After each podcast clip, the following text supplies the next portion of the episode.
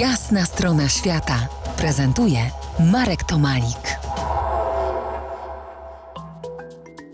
Moim gościem Tomasz Habdas, beskidzki przewodnik, autor książek i bloga w szczytowej formie, tak nazywa się ten blog. Rozmawiamy o wakacjach za niewielki grosz, o trasach trekkingowych w Beskidach. Beskid Mały i Żywiecki są nadal niezadeptane, bez tłumów i kolejek przy podejściu jak na przykład w Tatrach. Zgodzisz się z takim twierdzeniem? Po części się zgodzę, natomiast też e, trochę trzeba było pewnie tutaj dopowiedzieć, bo jednak e, musimy wziąć pod uwagę to, że Beskid Żywiecki poza Tatrami w Polsce jest najwyższymi górami.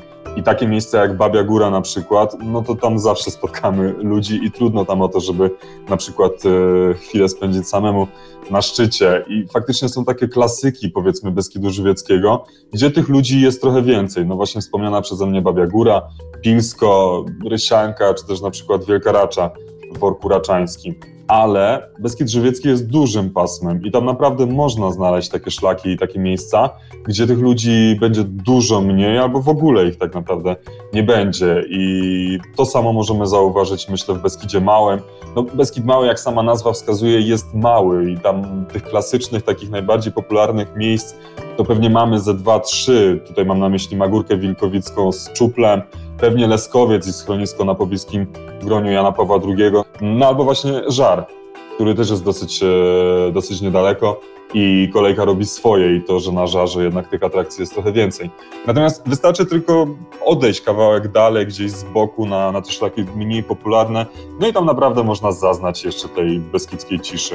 No to ruszmy z buta, ruszmy w teren, w góry, miły bracie, jak to gdzieś tam w piosence. Na dobry początek coś z terenów bliższych tobie, mm, Beskid Żywiecki i trasa z Żabnicy. Piękna trasa, i taka właśnie chyba niezadeptana. Różnie to bywa, bo mm, już wiem, o którą, e, którą trasę masz na myśli. Z Żabnicy pewnie na Rysiankę, na Lipowską tak, tak. i dalej, dalej na Halę Boraczą.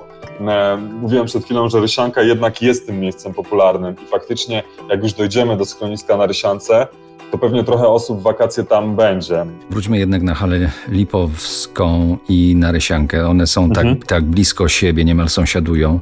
Tu musimy chyba cofnąć się do czasów II wojny światowej. No to jest fenomen, jeżeli chodzi o polskie góry, że dwa schroniska e, PTT-ku, to nie są prywatne obiekty, dwa schroniska są tak blisko siebie i to faktycznie to jest czas e, między wojnami, między pierwszą a drugą wojną światową, kiedy mm, na południu bardzo prężnie rozwijała się niemiecka organizacja Beskidenverein. To była niemiecka organizacja turystyczna.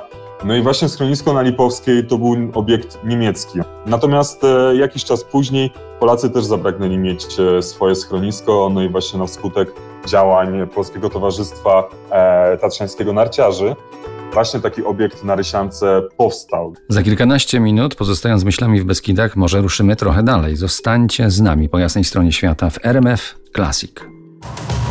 To jest jasna strona świata w RMF Classic.